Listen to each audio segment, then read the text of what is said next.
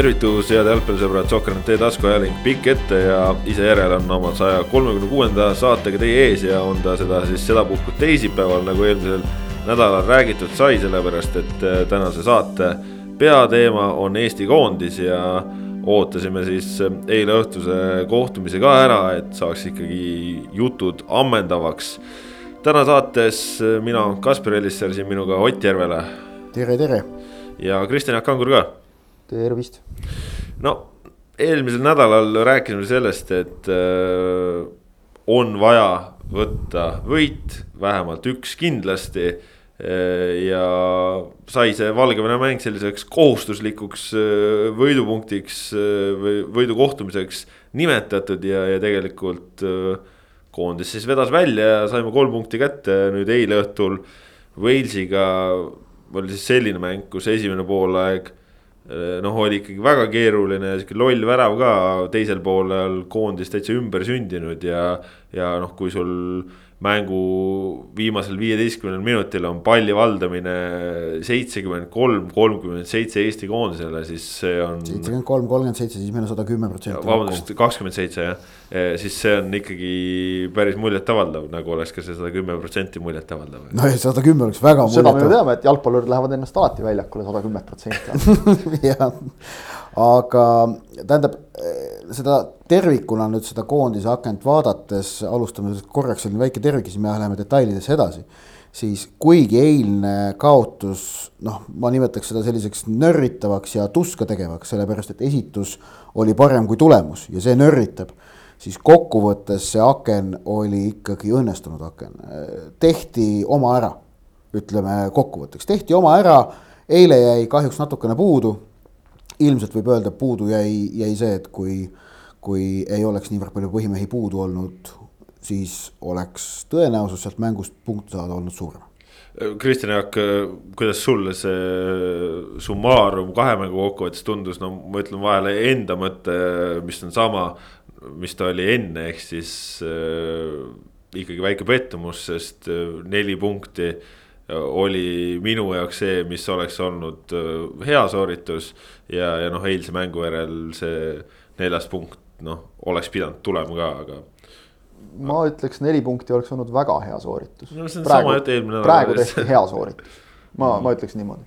ja, ja just nimelt äh, jah, mäng, mängupildi mõttes vaatasin just Karl-Jakob Eina Instagrami postituse viskas ette disappointing night eilse mängu kohta, noh pärast Walesiga kohtumist ja, ja arusaadavalt pettumus oli, oli mängijatel noh, nagu näos näha ka, oh okei okay,, üks asi on see, et kaotus on alati kaotus, ilusaid kaotusi me teame, noh, tegelikult ei ole ju olemas. et äh, see selgelt jäi, jäi vist kõigil noh, see, see tunne ikkagi sellest eilsest mängust hinge, et, et siit oleks ju võinud saada. Ja nagu Ott ütles, et noh, tõenäosus oleks olnud kõvasti suurem kui oleks mõnigi neist põhimeestest olnud, me oleme nii väike jalgpalliriik, et noh, kui sa võtad siin ühe-kaks meest ära, see juba mõjutab, kui sa võtad kolm-neli, see on juba päris valus pauk. kusjuures need, kes tulid asemele, said väga hästi hakkama tegelikult, aga midagi ei ole teha, vahe on sees.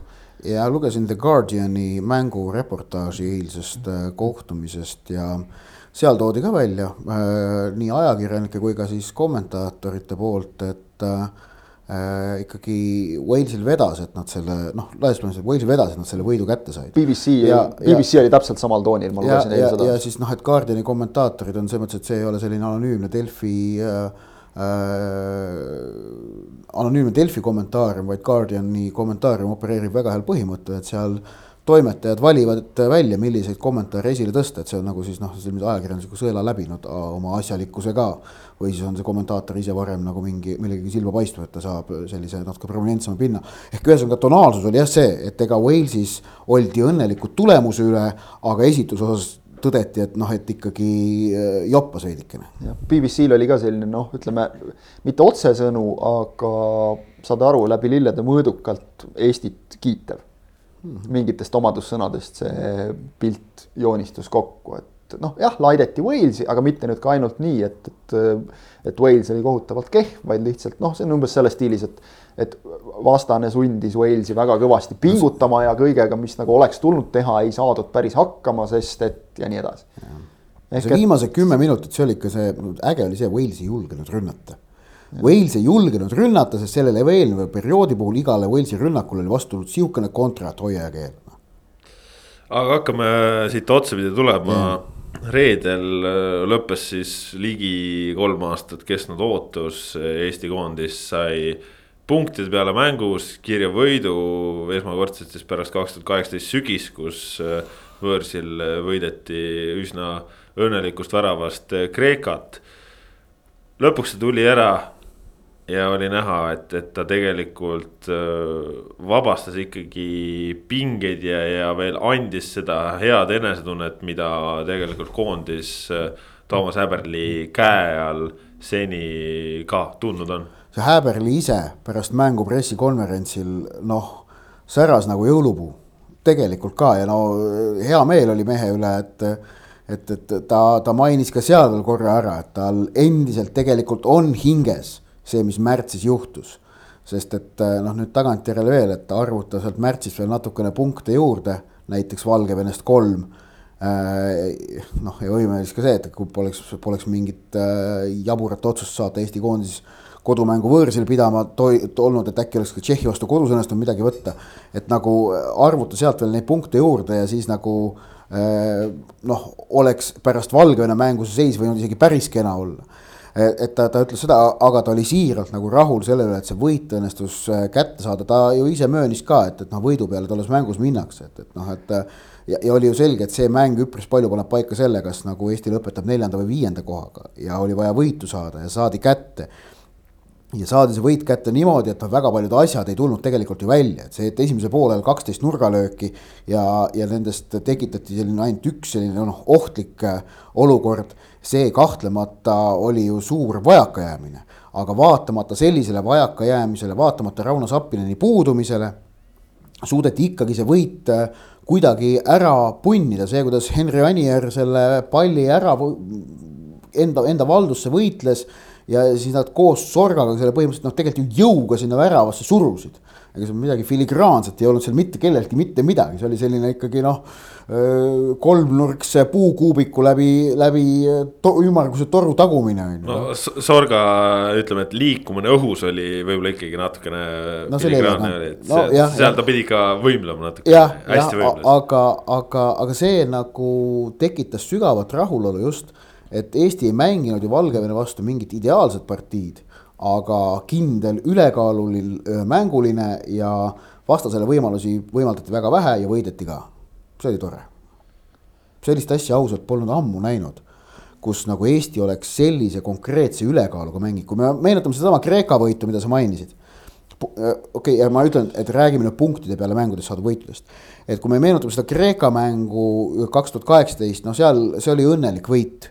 Et oli, seal oli väga kõva kaitse Äh, ja, ja. see oli ikka üsna kole mäng ausalt. jah, aga ja, ja selles mängus oli ka seis see, et kummalgi sellest mängust on midagi sõltunud, Eesti oli kindlalt viimane ja Kreekal oli ka kõik nagu selge. siis sellele eelnev äh, võit punktide peale mängus oli kaks tuhat seitseteist oktoobris Gibraltari üle kodus neli-null ähm, ei, vabandust, kaks tuhat kuus, kaks tuhat seitseteist võõrsil Gibraltari üle kuus-null.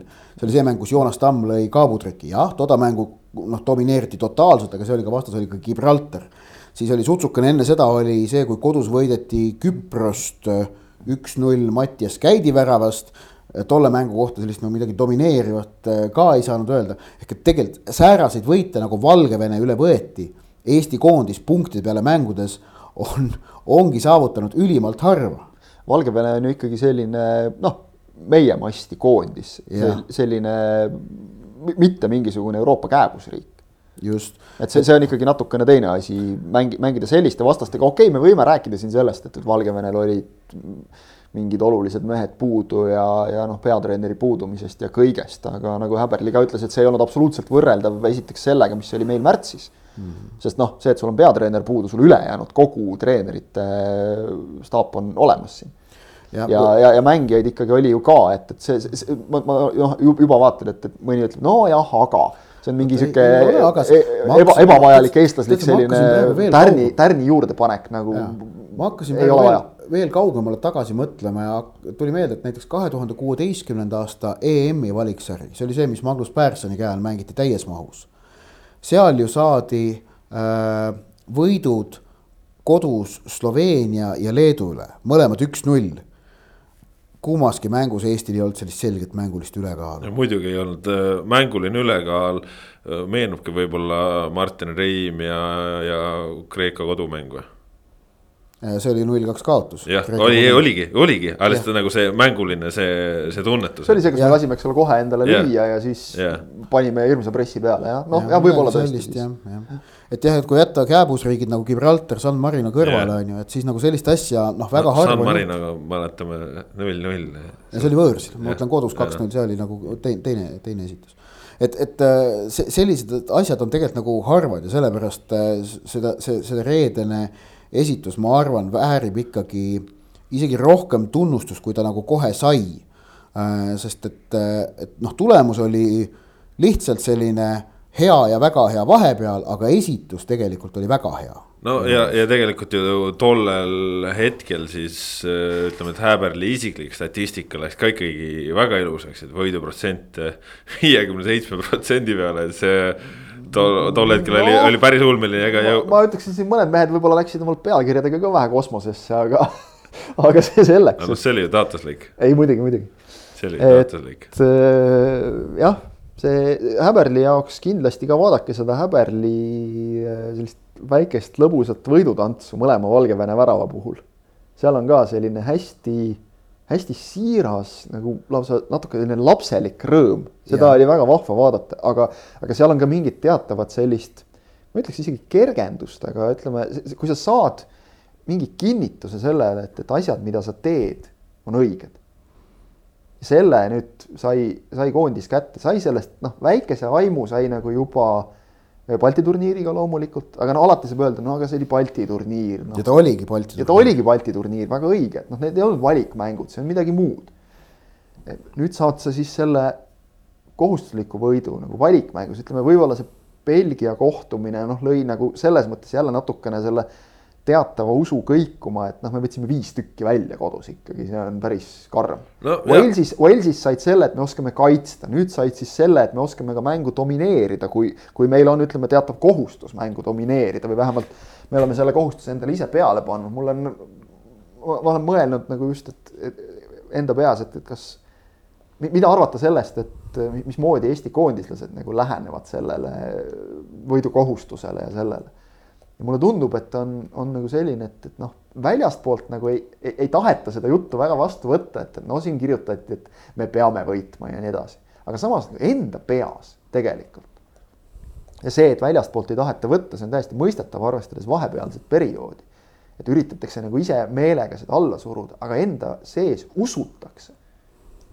et ollakse võimelised võitma, see on nagu väga paigas ja mulle üldse tundub, et see on kõrvalt vaadates kõik, sest riietusruumi me ei näe, aga et, et Häberli käekiri paistab olevat selline, et ta laseb ka väga palju mängijatel endal otsustada, ta tunnetab ära selle. ta laseb mängijatel endal otsustada, mõelda, tulla ka raskest olukorrast välja teinekord. Nendes kahes mängus oli seda noh, nagu päris palju näha, see võib-olla väljendus, ütleme näiteks Mattias Käidi Walesi mängu esimese poole lõpus ise treeneri juurde tulekus, tema algatatud arutelu, kuidas me saaksime paremini, meil praegu asjad ei toimi. kokkuvõttes äh, ma siin vahele võib-olla ikkagi küsin sult vastu, et, et kas tegelikult see kõik äh, äh, pealkiri oli kosmos, kui me ikkagi mõtleme faktidele. eelmisel aastal Eesti koondis ei võitnud mitte ühtegi mängu, meil oli üheksateist mängu seeriat, kus me ei olnud midagi võitnud, nüüd meil oli reedese järel seitse mängu äh, Häberli käe all, kust äh, rohkem on võite, neli võitu, üks viik äh, kaks kaotust, väravate vahe on positiivne ja neli nulli mängu. ärme räägime isegi võib-olla mitte nendest numbritest, need on ka väga head, aga, aga sellest, mismoodi noh, noh koondislaste hoiak väljakul. aga see ongi numbritega, aga see on numbritega koos tulnud no,. just, noh, kas on see tulnud numbritega koos või numbrid on tulnud sellega koos jällegi, eks ole No- selles mõttes olen ma su selle kosmose paralleeliga nõus, et, et kuidas noh, rakett kosmosesse läheb. püst loodis maa pealt alt üles, et vaat niimoodi on mindud küll. et noh, otse öeldes Kes- me oleme nagu pasast välja tulnud. jah, kes seda tõlgendas nii, eks ole, et, et noh, me oleme nüüd kosmosesse jõudnud, noh, see on vale. Aga selles mõttes jah, tõus on, on olnud selline ja see on, räägitakse küll palju, eks ole, uue treeneri sündroomist, kõigest sellest, aga ma ütleks, et see ikkagi pigem töötab klubi jalgpallis. kus tuleb uus treener, uus hingamine iga päev, see, et sa koondises suudad sama asja teha. vot see on noh, nagu väärtus ja saavutus omaette. koondise treener peab ju olema paljuski ka noh, nagu suur psühholoog ja mängijad ju noh, mäng, mängima sa ei õpeta kedagi teistmoodi ega, ega paremini selle lühikese aja jooksul. Aga, aga see, et, et sa paned mehed uskuma su, su nägemusse ja et, et tegelikult neid häberli, me jõuame rääkida veel, aga neid häberli noh, nii-öelda nägemusi ehk siis tema taktikalisi formatsioone on, on olnud niivõrd palju ja mängijad minu meelest nagu usuvad kõikidesse, nad tulevad kaasa nende muudatustega, okei okay,, proovime seda, proovime nii, proovime naa, mõtlevad ise kaasa, kuidas saaks noh, veel paremini, teistmoodi. ja et see on kestnud nüüd nagu vaata praegu tegelikult see sügis on selles mõttes hea, et igas kuus on koondise tsükkel. et tegelikult sa ei jõua veel nagu mitte mingis plaanis neid eelmisi asju kuidagi ära unustada uuesti kokku ja uuesti ja praegu on mänginud meie kasuks kindlasti see, et, et kui sa saad ühe korra selle positiivse tunde laineharja kätte, siis selle laineharja peal surfamine on selle võrra kergem, et sa ei pea jälle nagu kolm kuud vahepeal sellest eemal olema. jah, no Ott, vahepeal olime seisus, kus Erik Sorgat ei olnud äh, mõnda aega koondise juures ja, ja kui ta naasis, siis ta naasis äh, vahetusmängijana.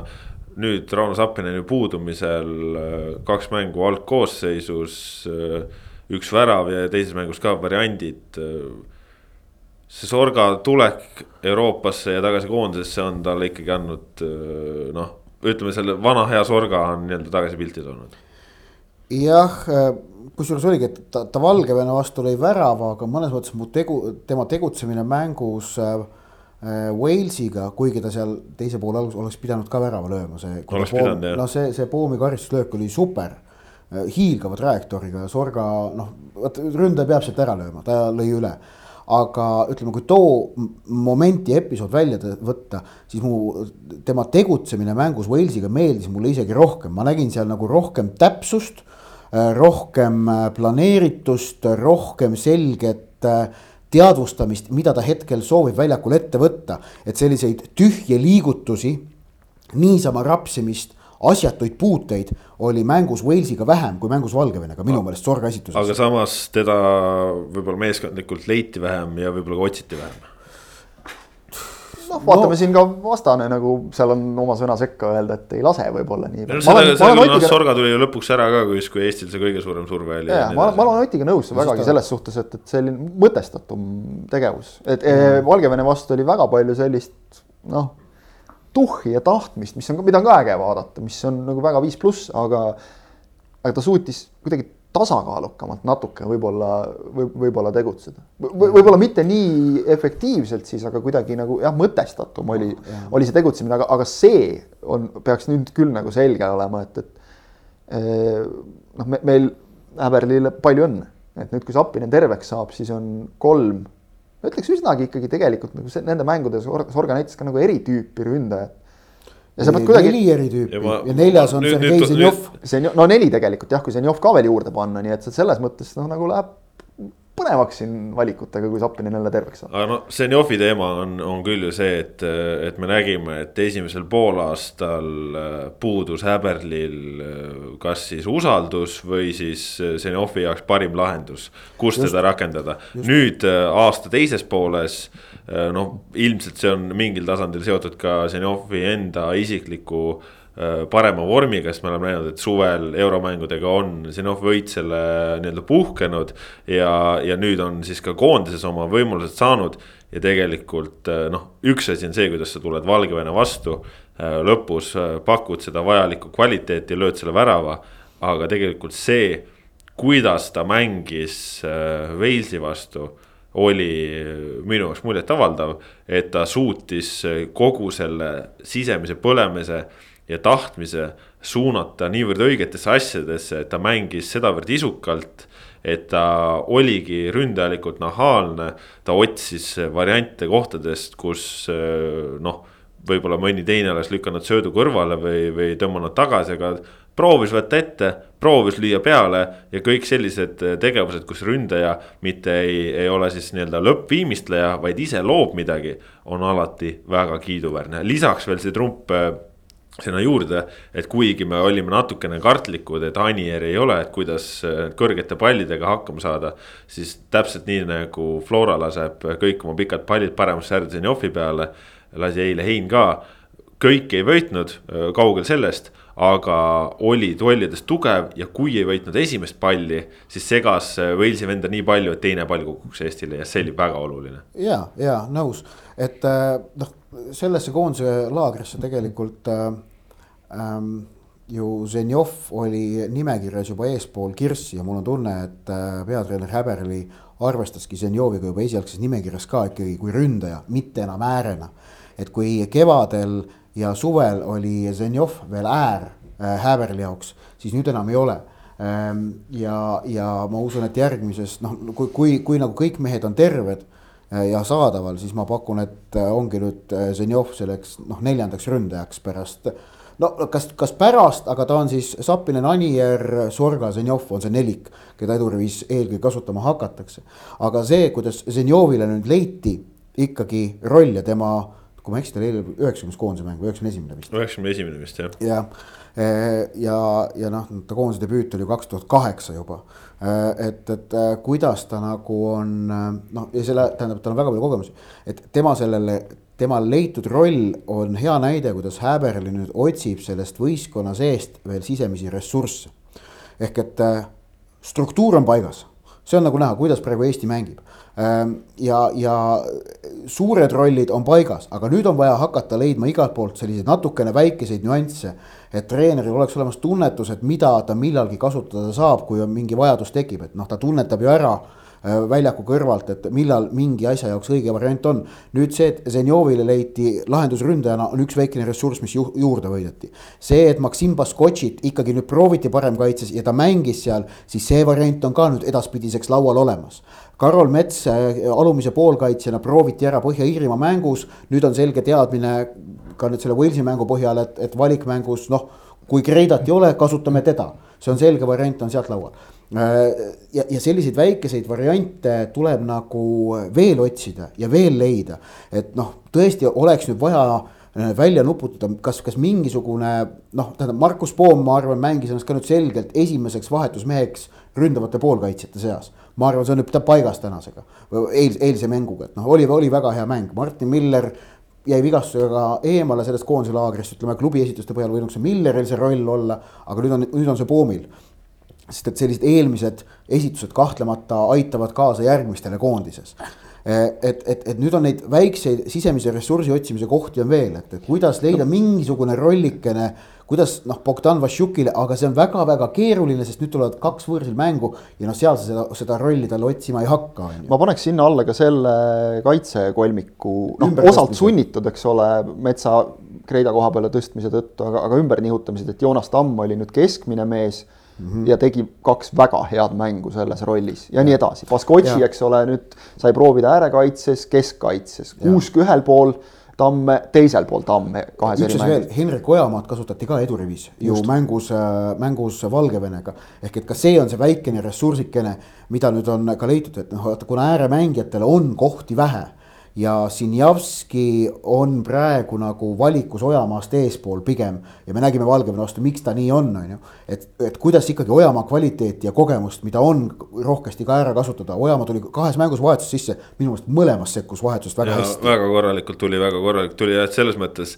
tegelikult ju seda ressursi täiuslikkust või täiuslikkusele otsimist, seda täiuslikku püüdmist on ju näha kasvõi ju Taivo Tõniste puhul.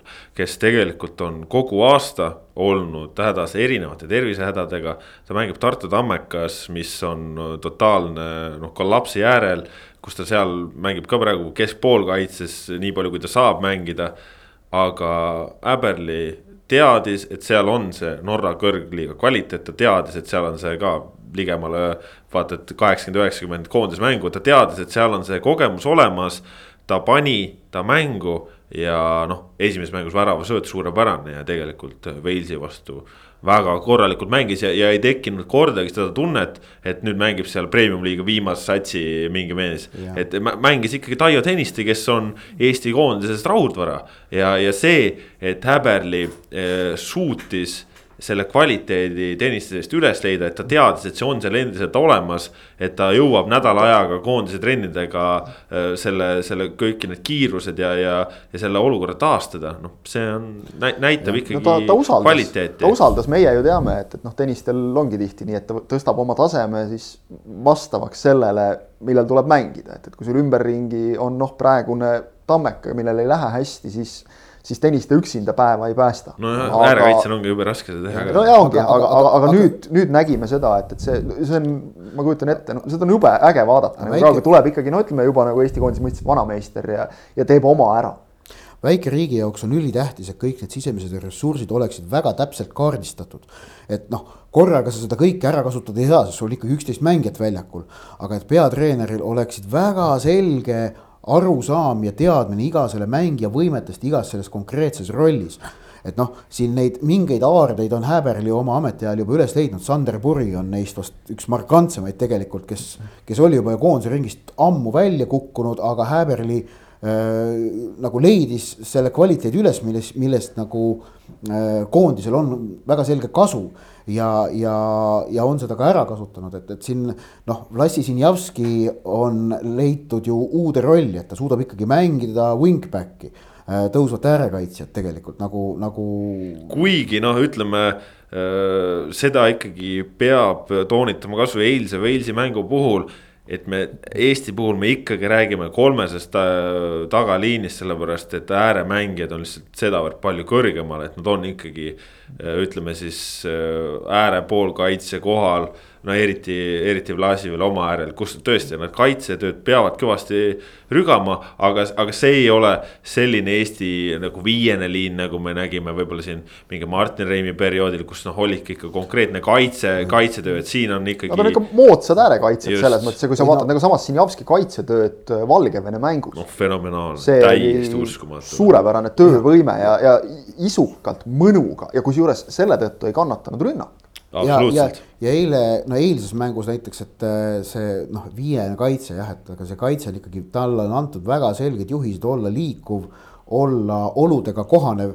Märten Kuusk tegi mingil hetkel pressi vastase trahvikasti juures, sest noh, oli sattunud niimoodi, et see on väga okei okay Maksim Baskotši samamoodi, äh, mõlemad sattusid eile vastase karistusala juurde survetega. no ja esimese poole kõige ohtlikum moment, see, kus Sergei Zinov sai söödu jala peale, see tulenes Artur Pika pressingust vastase väravast kahekümne meetri kaugusel. jah, see, see on, see on tegelikult noh, tänapäeva jalgpall, et need positsioonid ei ole kivisse raiutud, sa pead ise suutma lugeda seda kõike ja, ja seda on väga äge vaadata, et seda ka Eesti koondis suudab. et see raamistik on antud nagu võistkonnale ette, aga võistkond praegu no me näeme väga selgelt, kuidas võistkond suudab selle raamistiku piires nagu olla iseloominguline.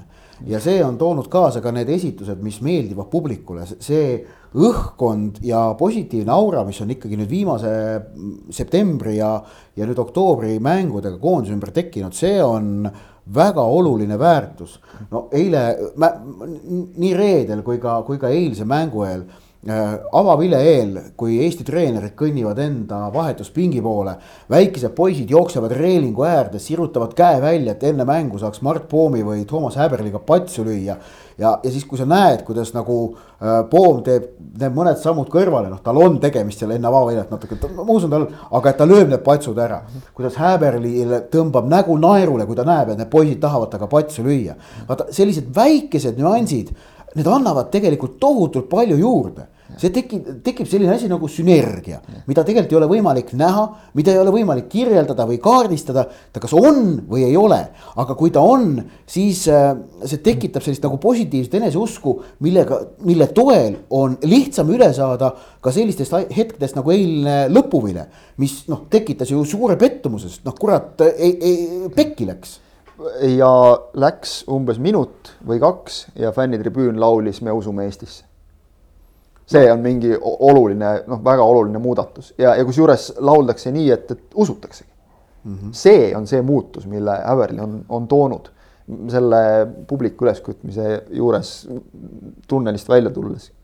ütlen lihtsalt ühe nime, Ken Kallaste nii, see, ei no ta, tal on oma roll täita ka alati nagu seal, et, et ta ka suhtleb väga nagu avatult tribüünidega ja, ja see on noh, teised tulevad Ja, kaasa sellega, keegi, keegi ja. on, kes, kes ees seda teeb ja tegelikult siis jah, aga, aga see on jällegi hea näide, et eh, noh, me teame, et Ken on selline emotsionaalne mees ja nii mängijana, aga, ja, ja ta on ka avatud suhtleja mm. -hmm. et jällegi igaüks selles koosluses, mis seal koondises koos on, noh, käib oma trumbid välja ja tuleb sellega võistkonnale kasuks ja sellistest väikestest asjadest jalgpallis ei ole liiga väikesi detaile, eriti tippjalgpallis, eriti koondise jalgpallis, mis on väga-väga emotsionaalne valdkond. ehk igaüks äh, on maksimaalselt fokusseeritud, toob oma trumbid esile ja selliste väikeste nüanssidega tehaksegi asi paremaks. veel üks väga hea episood eilsest mängust kui Mattias Käit oli saanud kohtuniku käest selle noh, täiesti viimase hoiatuse konkreetselt, et noh, žest, et kui sa nüüd ühe vea veel teed, siis on teine kollane, punane ja minek.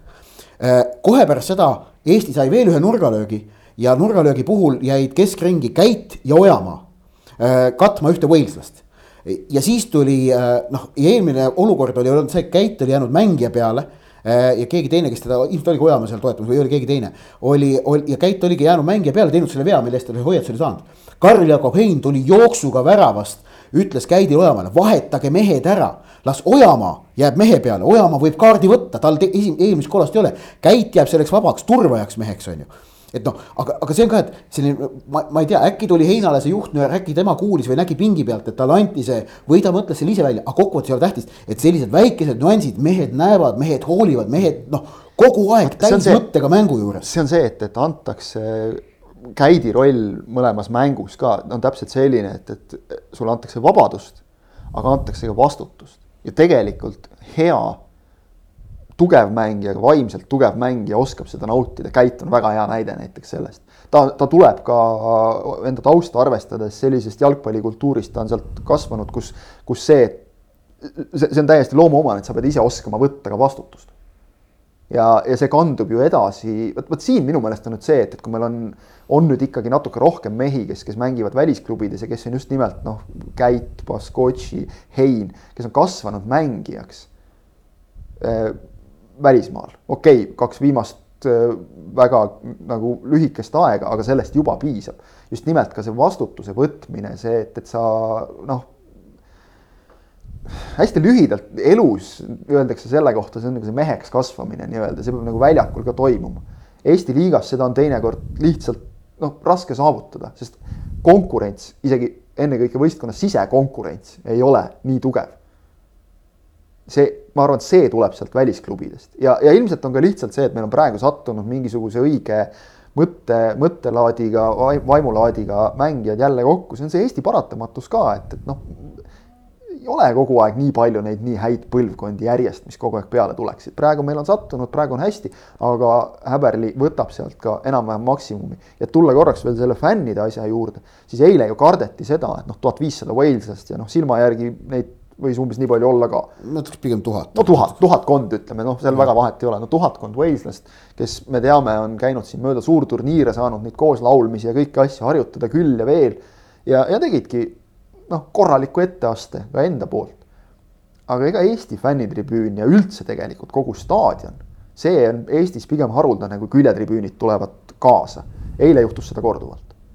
et äh, ega, ega alla ei jäänud ja, ja kõik, kõiges selles, kui me meenutame, milline igav liiv ja tühi väli vahepeal valitses ka seal fännitribüünil, kui, kui koondis noh, tõesti mängis sellist nagu ilmetut ja, ja, ja noh, koledat mängu üsnagi, nüri mängu, ütleme.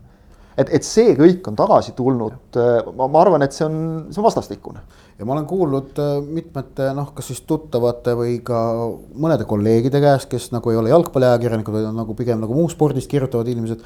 tuttavad, kes on noh, Eesti spordis äh, tegelevad, aga mitte just jalgpallisfääris, vaid muudel spordialadel.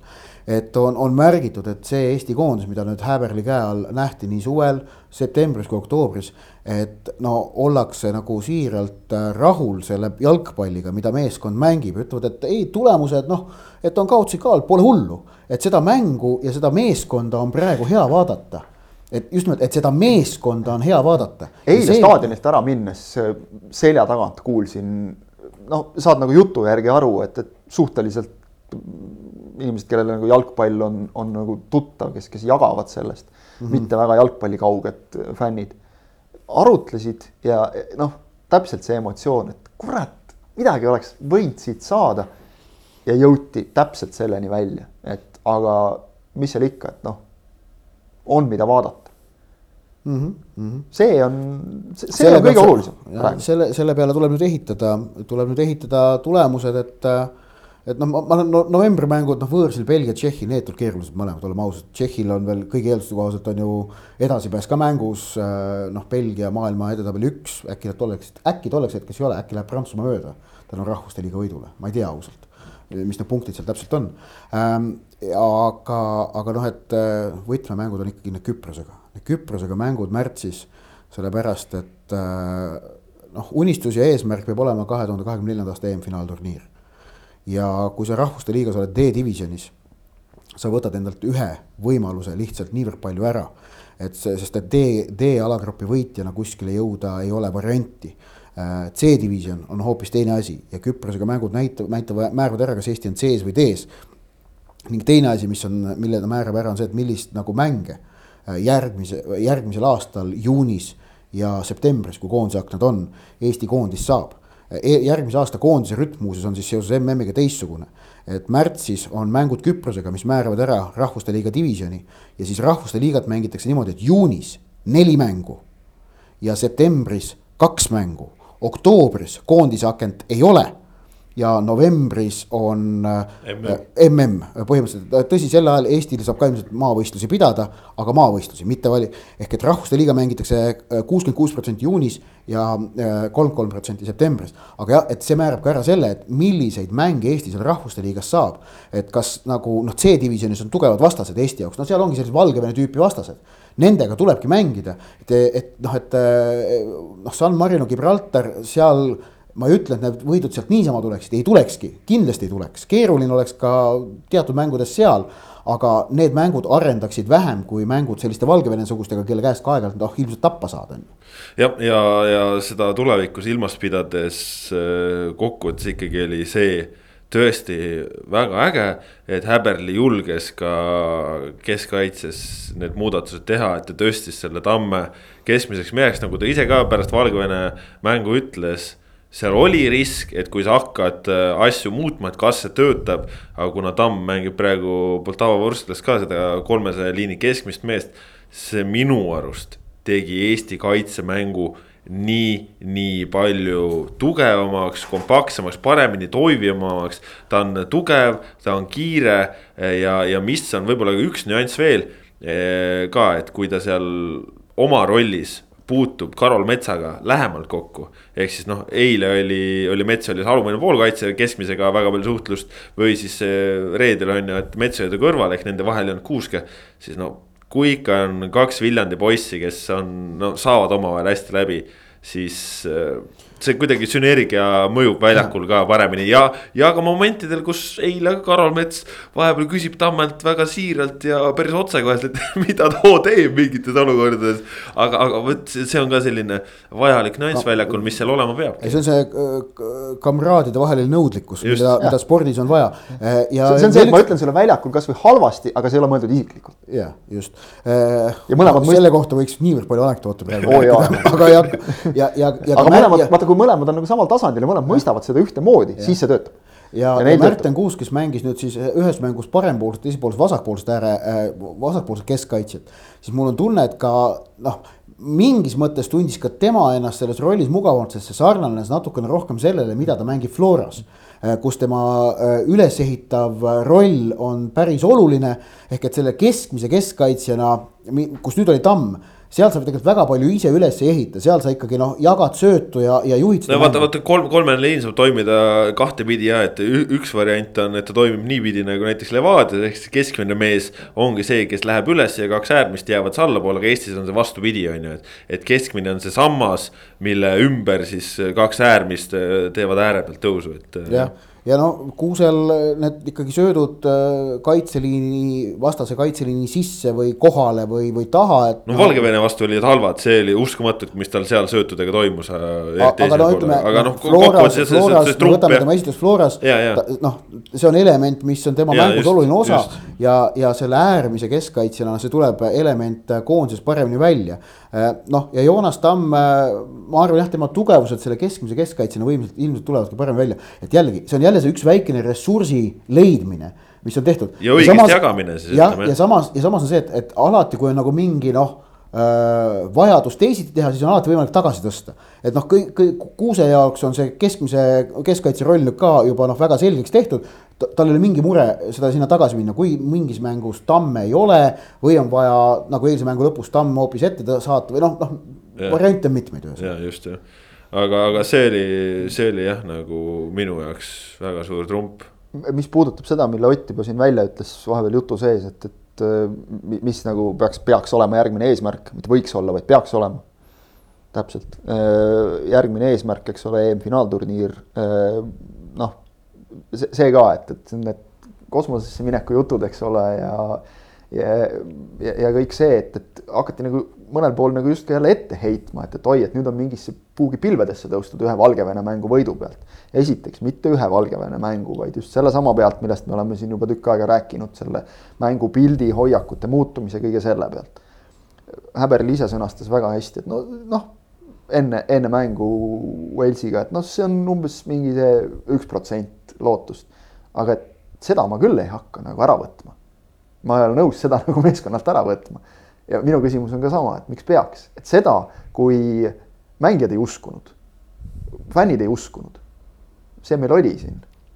oli pikalt ja oli päris, oli, oli päris tüütu jah. kas me nagu tahaks seda tagasi, et vot see, see on üks asi, mida nagu enne mängu, ega mängu ajal tegelikult mitte keegi ei saa sealt ära võtta, usku, et võib tulla, jalgpall on selline mäng, et, et noh, mõned, mõnel teisel alal võib-olla tõesti noh keerulisem. on, on keerulisem, jalgpallis on, on see on alati olemas. vot sellest ma ei saa kunagi aru, et, et jah, see oli üks protsent ja see üks protsent läks. aga miks, miks peaks sellest nagu ise vabatahtlikult loobuma, et ma ei tea, kas see on mingi ehteestlaslik sihuke masohhism kerge nagu, et, et teeme jah. nagu enne kõik maha, et, et siis saab sealt ainult tõusta. Aga siis võib-olla mingil hetkel avastad, et polegi nagu jõudu ega motivatsiooni tõusta ja, jah, see, see lootus tekkis tõesti. Valgevene mänguga ja tänu Wales-Tšehhi samal ajal toimunud viigile. just, just.. et need asjad nagu koos mõjusid. aga meenutame, kuidas meil tekkis üldse esimene ja seni viimane nagu see EM-ile saamise lootus ka tänu sellele, et teised mängud läksid meile soodsalt suuresti ei, ei nii, nii ongi jah, aga siin selles mõttes see, see on. see, see nagu ei vähenda kuidagi enda väärut-, saavutuste väärtust. see, ongi nii loomulik osa jalgpallist ja, ja tõesti see lootus peab olema ja, ja selles mõttes ju ega ju noh keegi ei öelnud, et nüüd Eesti saabki MM-ile või mis ida, iganes, et ongi teine koht on purgis ja nii, aga, aga see, et sul on see võimalik, et sa ei ole äh, tol hetkel alagrupis viimane, et sul on millegi peale mängida, see, see tulebki esile tõsta ja, ja ma saan ka aru, miks Häberli on nii neetult vihane selle märtsikuu peale siiamaani ta, mhm. see niimoodi kripeldab, sellepärast. ta, ta et... iga kord ütleb seda, ta, ta, ta jääb väga taktitundeliseks tegelikult. No, aga... kuigi pärast Valgevene mängu ta ütles juba ka, et ma pean oma suu kinni panema ja selle nagu ära lõpetama, aga, aga noh, see segab ja. teda, sest seal oli potentsiaalsed kolm punkti, mis ju isegi toona selle no, BC, koondisega oli ju Valgevene vastu oli käes, vaata. ja kui oleksid need punktid nüüd olnud ja me oleksime läinud selle seisu pealt Veidile vastu, noh. sa saadki aru, et. pluss kindlasti tal kripeldab lihtsalt see, et, et noh, kogu see aken läks selles mõttes ju tema jaoks raisku. seda, seda tööd, mida Ott just praegu pikalt kirjeldas, mis on nagu ilmselgelt tema trump. ja noh, ma usuks, et, et tema taustaga tutvudes oli see ka üks põhjus, miks just tema valiti Eesti koondise järgmiseks peatreeneriks. et, et seda ta ei saanud ju teha absoluutselt. see kõik jäi ju ära täiesti. ja, ja kindlasti see närib ja ärme unustame seda, et jah, see oli märtsis, aga võtame nüüd, et kui palju koondise aknaid on pärast seda olnud, siis selles mõttes oli see ju ikkagi nagu alles. no ta, kui me, kui sen-, võtame sellised Häberli koondise aknad ja ütleme, et see on sada protsenti, siis kakskümmend viis prossa läks tal raisku ju. jah kakskümmend viis prossa on päris, päris palju. veerand, veerandist jäid lihtsalt ilma ja noh, oleks nagu kuidagi ise süüdi olnud okay., saaks nagu veel öelda. no okei okay,, jaanuaris tegelikult oli, oli see no,, see, see laager oli ka midagi, mille pealt midagi, midagi sai teha. no kakskümmend kolm protsenti, mhm. okei, kakskümmend protsenti ikkagi viiendik. jah, jah. et jah, see noh, valus pauk absoluutselt, aga noh, ongi, et kui me nüüd selle pealt mõtleme, et mida ta on suutnud teha ja kuidas ta on suutnud mehed noh mobiliseerida, siis kasvõi eile Walesi vastu, meil oli neli põhimängijat puudu, neli põhimängijat. kusjuures üks neist siis, eks ole, niimoodi, et noh võistkonnal tõmmati vaipi kümme, kümme minutit on avavilet. vaipi jalge alt ära, nii et lähed. sa kaotad, sa kaotad kapteni, koondise legendi kümme minutit on avavilet, no. no. koondise dirigendi, mängujuhi aju. et ja, seda näha oli. oligi kehv. ja, ja et seda ja näha oli mängus, see on, see on normaalne, et seda oli näha, aga just sealt see, et, et sealt välja tuldi. Ja. ja tuldi välja. võistkondlikult. võistkondlikult ja, ja, ja tundub, et mitte nii, et treener ütles, et nüüd tehke nii, nii ja nii, vaid suuresti noh, ise koos ja et selles võistkonnas on ehitatud üles mingisugune vaimsus, mille, mille toel see, see juhtus, ega sellise korraldusega, et teeme nüüd nii, et äh, sina võtad viis meetrit vasakule, sina võtad viis meetrit äh, paremale ja ülespoole ning siis mängime neid diagonaalpalle just sinna äärde. sellise asjaga sa ei võta no, seda on... mängu enda kontrolli alla, see peab olema terve võistkonna valmisolek võtta rohkem vastutust, olla Äh, või leida need õiged kohad, kus olla agressiivne, leida õiged kohad, kus olla mõõdukas. ja, ja, ja sellise asjaga, nagu sa saad selle mängu uuesti enda kätte ja selle vaimsuse on Häberli suutnud selles ja, ja tööõhkkonna on Häberli suutnud koondises selgelt üles ehitada. ning äh, see on väga suur väärtus ja seetõttu tuleb tagasi lükata ka kõik võimalikud äh, apellatsioonid, nagu Häberli koondise valikud nimekirja oleksid mingil moel valed või väärad. tema teeb oma meetoditega tööd, oma eesmärgiga äh,, taotleb oma kindlat sellist äh, kollektiivset vaimu ja on selle jaoks valinud sinna enda meelest kõige sobivamad persoonid. ja ka vastutab. ja vastutab Tema ka, vastutab. jah, just. et nendega ei, noh, ei ole vaja tingimata nõus olla, aga öelda, et nad täpselt need on valed, noh no ilmselt üks, üks asi, mille. näiteks, no miks mängis eile on ju Markus Poom ja mitte mm, -hmm. mitte Bogdan Vassiuk, tegelikult on see väga selged ja lihtsad põhjused. jah, märtsikuu äh, koondise kogunemisel oli Vassiuk oli Poomist äh, eespool, etem ja ma ja. usun, et tollest tuli ta nagu eespool välja aga no, juuni. kevadel oli Vašuk oli ka liigas ikka väga-väga hea no.. jah, aga, aga juuni ja septembri, kuna septembri oma jäi Vašuki täitsa vahele vigastuse tõttu, ta küll oli vist seal alguses laagris, aga lõpuks ta nagu noh. ta lahkus vist umbes esimesel päeval kohe enam. jah, ja, ja ma ei mäleta, kas ta Balti turniiril, seal ta vist natukene ikka sai võimalusi, aga igatahes septembri jäi tal vahele, samal ajal Poom mängis äh, septembrikuu äh, laag- äh,, aknas üheksakümmend minutit Põhja-Iirimaaga. vaatame, mis on kahe mehe viimase aja mängupraktika. Vassiuk mängis Transi Leegioni, kas vist Tammekaga äkki või, või, või oli Vaprus, ma ei mäleta.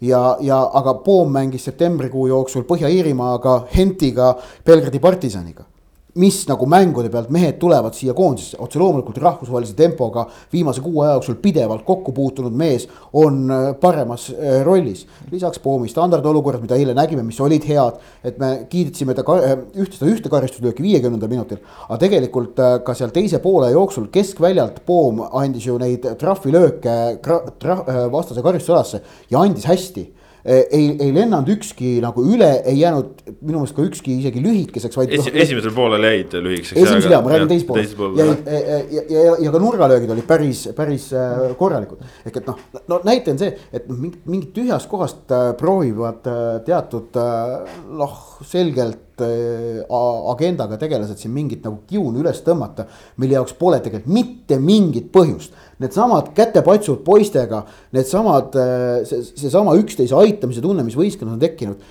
Äh, Häberli on selle asja arhitekt ja autor ja autoril on oma loomingu suhtes vabadus. ja ärme seda nüüd ka unustame, et Eesti ei ole esimene ega viimane koondis, kus noh, kõik mehed ei mahu koondisesse. nii on lihtsalt, see on paratamatu, see noh, mõnes mõttes on nagu positiivne isegi, et kõike ei saa, jõle jama oleks ka, kui oleks nagu kõik selge. arutleda võib, aga täpselt vastutus, õigus ja vastutus on, on häberlil. ei no, noh, mis, mis puudutab Pomašuki, siis no mängijatüübilt ka ikkagi erinevad, erinevad mängijad, et. ja, ja Poomil on palju. kui oleks see sama mure olnud võib-olla no ma ei tea, kas Valgevene mängus, aga, aga võib-olla mõnes siukse natuke teistsuguse iseloomuga, siis oleks Vašjuk oma, oma variandi saanud ka, aga noh. Valgevene mäng on minu meelest hea võrdlus, et noh, seal, eks ole, ütleme Vašjuki tüüpi selline nagu natukene vabam, loovam mängija oleks võib-olla paremini sobinud. aga, aga, aga, aga Poomi puhul on muidugi see, et, et noh, okei okay,, esimene poolaeg oli kogu meeskonnal suhteliselt selline kesine, eks ole, ei saa nagu võib-olla, ei ole nii lihtne hinnata ühe mehe panust ja esitust ja kõik olid rabedad kuidagi, kõik nagu otsisid ennast ja, ja üksteist ja, ja mängu ja üldse. aga, aga jällegi Poom vajab minu meelest, kas, kas on see peas kinni või kuskil mujal, aga et noh, nagu natukene julgemalt, enesekindlamalt tegutseda. ütles ka ise seda pärast mängu, et äh, natukene nagu on endas pettunud, et rohkem isegi enda peale ei võtnud, et noh, tegelikult ju neid rünnakuid, kus ta seal avas Sinjavskile äh, või, või tõi neid teravaid paljaväravaid, et noh, neid asju ta ju kas tegi, aga mingitel hetkel. Põhja-Iirimaa mäng, kus ta minu meelest ka nagu mängis väga-väga ettevaatlikult, enamikku sööta ta,, sööta tahapoole ja kõik, et, et noh, eks see, see tuleb jällegi ajaga, aga. aga noh, ka, ka sihukest rahustamist on mingites momentides vaja. seda muidugi jaa, aga noh, seal oli just see, et, et ta tõmbas mingites olukordades tempot alla, eks ole, et, et aga, aga noh, ta on ju noor mängija ikkagi, et. aga ma ütlen, ta pärast Põhja-Iirimaa mängu sai Henti ja Partisani vastu üheksakümmend minutit, okei okay,, Henti vastu võeti kaheksakümmend üheksa välja, et keegi no. tahab jaurama. see on selle, selles, selles mõttes. keegi tahab kindlasti. selles mõttes on jah, ka no Flora puhul on see olnud ju noh, selge muutus, et kui varem olid nii-öelda tugevad, rasked mängud, see oli igal juhul Markus Soometsa põld. siis nüüd on äh, asjad muutunud ja asjad on muutunud äh, just selle ütleme, Poomi pakutava kvaliteedi pealt, et. Äh, mida veel. mängul nagu juurde lisab oma siis väga hea vasaku jala ja väljaku nägemisega. kes mäletab ikka seda Henti mängus seda ristsöötu Rauno Allikule no,, ma noh, sellised asjad jäävad meelde. sellised asjad vaata nagu annavad lootust, et, et sellest mehest võib tulla, et, et aga üks väga oluline asi minu meelest veel see, et, et noh, jäädi Vassiljevist niimoodi ilma enne mängu, see on üks asi. see on kogu aeg olnud ju meie põhimure, et, et kui Kostja ühel hetkel ära lõpetab, kas siis meie jalgpall lakkab olemast põhimõtteliselt, et kõik laguneb laiali ja eile oli hea näide sellest, et saame hakkama ka ilma Vassiljevita. esimene poolaeg tekitas sellise tunde, et no nüüd ongi pekkis. mitte ainult ilma Vassiljevita, vaid ka Kreidat ei olnud. me noh, ma olen ise rääkinud ja kirjutanud, kuidas see Kreida, Käit, Vassiljev kooslus on ideaalselt tasakaalus ja, ja ta on olnud, nad on leidnud omavahel mm. väga hea klapi. nüüd oli selles kolmikus kaks meest puudu, aga leiti ka seal, jah, võttis aega, aga leiti ka seal see klapp. kuidas Poom, Käit ja ka Mets omavahel need rollid ära jaotasid ja lõpuks selle koosluse toimima said. ja, ja et sa leiad selle just, eks ole, ikkagi mängu käigus, sest noh, ega ei olnud nii, et, et tuldi teisest poolajast väljakule ja hakati kohe hullu panema seal läks ka üks noh, kümme-viisteist minutit aega, pall oli rohkem Walesi käes esimesed, teise poole esimesed veerand tundi ja, ja siis nagu tuldi mängu sisse. mis mulle veel meeldis veel eilse mängu puhul äh,, Häberli vahetused. Äh, esiteks see, et nad olid võrdlemisi julged noh, okei okay., see, see, see, vahet... see, et, et ongi, kui sa mõlemad äh, Mõle, ääred, mõlemad... ääred vahetad ründavate mängijate vastu, see on nagu noh. mõle-, mõlemad nagu ääre, ääre. ma tegin tribüüni peal ka sulle märkust selle osas, et, et kui ta selle ära teeb, siis ta meeldib mulle väga palju, et ta tegi mõlemad äärekaitsjad, kes on nagu kaitsjad selgelt ikkagi vahetad sa noh, ääreründajate vastu see on natuke see, mida, mida näiteks ka Levadia viljeleb, et, et noh, siin ongi nüüd, millega näiteks see on nagu selles mõttes hea võrdlus, et Levadia on suutnud tihti Eesti liigas see peaks nagu tegema tegelikult tagaliini natuke haavatavaks, et kui paneme alumise pooliku ka juurde, siis taha jääb nagu neli meest. noh, ääred on nagu tühjad teoorias, praktikas suudad sa ees tekitada niivõrd palju teravust, vastane ei saa lihtsalt sinu nende ründajatega hakkama, vajubki alla ja, ja ei saagi sealt nagu õieti välja. ja tegelikult eile oli natuke samamoodi, okei okay,, siis mingil hetkel toodi kümmekond minutit enne lõppu jälle Kallast, eks ole, ja ja, ja natukene noh, okei okay,, seal läks tamm ette ka, vangerdati no, neljase, neljase, neljase liini peale. seal lõpp, see lõpu kolmikvahetus, see oli juba noh no, see, see, seal enam selgelt süsteemi ei taotletud, seal ja. mindi lihtsalt nagu uljalt panema, nagu ongi vaja sellises olukorras teha. kuigi rollid olid, rollid olid jaotatud. ja, rollid olid jaotatud, aga noh. aga just mindi jällegi, eks ole, ikkagi uljalt panema, teha see suhteliselt noh, ka ikkagi mitte päris viimastel minutitel, teha see kolmikvahetus, mida meil on kaotada mm. -hmm. ja vot see, see hoiak, see suhtumine, et, et noh, ma isiklikult võin jaurata lõpmatuseni sellest ei ole kunagi aru saanud kaheksakümne üheksandal minutil ründaja sissetoomisest, et noh, see vahel võib anda selle efekti, et, et ma ei tea, nurgalöögi ajal jäävad mehed jagamata, keegi unustab uue mehe ära. aga no pigem on ju see, et, et sa saad oma kaks söötu ja siis on mäng läbi juba. sa üldiselt ei saa kahte söötu. pigem ei saa sedagi, eks ole. üks no. asi, mida Tarmo Rüütli puhul alati ja täiesti õigustatult esile tõsteti oli suutlikkus leida õiged, teha õigeid vahetusi. Kas siis leida õige tüüp ja, ja ta ka õigel ajal sisse panna. ja üks asi, mis nagu Toomas Häberli puhul ka praegu silma torkab, on tema vahetuste tõhusus. et ta, ta noh, on, ma nüüd, ma pole nüüd mänge niimoodi ükshaaval nüüd selle pilguga nüüd uuesti veel läbi vaadanud või sorteerinud. aga nii eile kui ka mängus äh, äh, Valgevenega, aga samuti tegelikult ka septembrikuu mängudes, eriti võõrsil Walesiga mulle meeldisid tema vahetused, need tundusid olevat loogilised, õigeaegsed äh, ja toimivad. ja see on väga hea märk. no ja see läheb ju tegelikult loogiliselt kokku sellega, mida me enne rääkisime, et, et noh, kui sa nagu tunnetad meeskonda, siis võiks sellega suht loogiliselt kaasneda ka see, et sa tunnetad ära mida mängu vaja. dünaamikat ja, ja kõike seda, mida on vaja teha, millal on vaja teha, see on tihtipeale kõige olulisem ja ma ütlen, ma võib-olla kokkuvõtteks siis ütleks, et ongi, et äh, kui Valgevene vastu oli asjad hästi, siis eile olid ka asjad selles mõttes hästi, et äh, kui ma näen väljakul Eesti koondist, kes äh, ei karda ja kes tahab viimase sekundini mängu võita siis sellest mulle piisab. mängijate individuaalselt kvaliteedilt me ei hakka ilmselt kunagi olema, kui Wales oma selle praeguse taseme säilitab nagu sellel tasemel, selleks on meie mängijate valik praegu, võib-olla kunagi kauges tulevikus. selleks on meie mängijate valik ja, ja ütleme, nende mängijate võimalus pääseda varakult äh, tipptasemel klubidesse kahjuks liiga väike. see on reaalsus. millega me saame olla üle ja olla siis võrdsed või üle, on just see meeskondlikkus, ühtsus, tarkus et iga mees ei aja oma asja, nagu ikka, et liidetavate summa on suurem kui neid eraldi võttes. seda noh, see on nii elementaarne, see saab olla Eesti koondise tee. ja, ja, ja mingitest tagasilöökidest nüüd selles mõttes võib-olla ei maksa ennast ka nagu liialt heidutada lasta, et vaadake praegu näiteks Islandi tulemusi. ei ole midagi kaabuga vehkida, et noh, keda me oleme ise võtnud endale eeskujuks. väike riik samamoodi Sloveenia, väga noh, kes on täiesti üle mõistuse hea igasugustes sportmängudes, individuaalaladel samamoodi tegelikult jagub nagu igale poole neid sportlasi. ja ka neil on tagasilöök. kas Sloveenia ei ole see saanud osa, no. suurturniiridele, et, et tagasilöökidest eriti... ei maksa nagu hakata endale ise. on siin ka Hispaanial olnud ja nii edasi. et tagasilöökidest ei maksa endale hakata ise hauda kaevama. see on, kui me pallimängudest räägime, siis eriti on säärane suursinusoitsus omane jalgpallile, millega tegeletakse professionaalselt kõikides Euroopa riikides, et muudel pallimängudel. võistkond on kõige suurem ka väljakul olevate mängijate mõttes. ja, ja muudel pallimängualadel on noh, kuna, kuna see äh, jah, professionaalsus ei ole niivõrd hõlmav ja läbiv, siis on seal sellise nõnda öelda staatuse kinnistamine mõnevõrra lihtsam.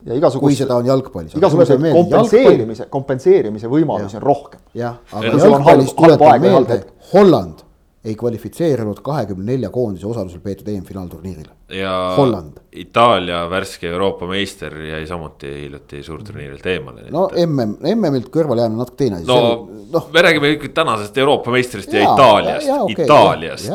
noh, et. Nemad tegid oma mõõtkavades oma järeldused, eks ole, et, et noh. samamoodi on teinud teised suurriigid siin, kes on kuskilt kõrvale jäänud, et aga just ma just pean silmas väikeriike. et seal on tagasilöögid eriti eriti paratamatud, aga, aga neist ei ole nagu midagi hullu tegelikult. asjad on praegu hästi, mis ei tähenda, et nad jäävad hästi. aga. kindlasti, kindlasti läheb kunagi halvemaks, kindlasti läheb kunagi halvemaks, aga siis läheb jälle paremaks kokkuvõttes see, mida nägime siin viimastel päevadel, oli julgustav. oli, ma arvan, ka Eesti jalgpallile kasulik, oli Eesti jalgpalli kogukonnale kasulik ja meeldiv oli ka see, et tõesti esmaspäeva õhtul ka tänu Walesi toetajatele oli staadionil väga hea atmosfäär, mis loodetavasti toob äh, inimesed uuesti tagasi ka staadionite jalgpalli vaatama, sest see on olnud problemaatiline, nii et. loodetavasti, kui järgmisel korral Eesti koondis uuel aastal, siis on kodu murul, siis on meil igasugused muud äh, mured ka võib-olla suuremalt selja taga ja. rahvusvahelisi ja... mänge on sügisel veel kaks tükki ikkagi kodus, Floral on kaks euromängu. jah, aga koondist äh, näeme uuel aastal, märtsikuus. Vot selline oli tänane pikk ette ja ise järele oma saja kolmekümne kuuenda saatega.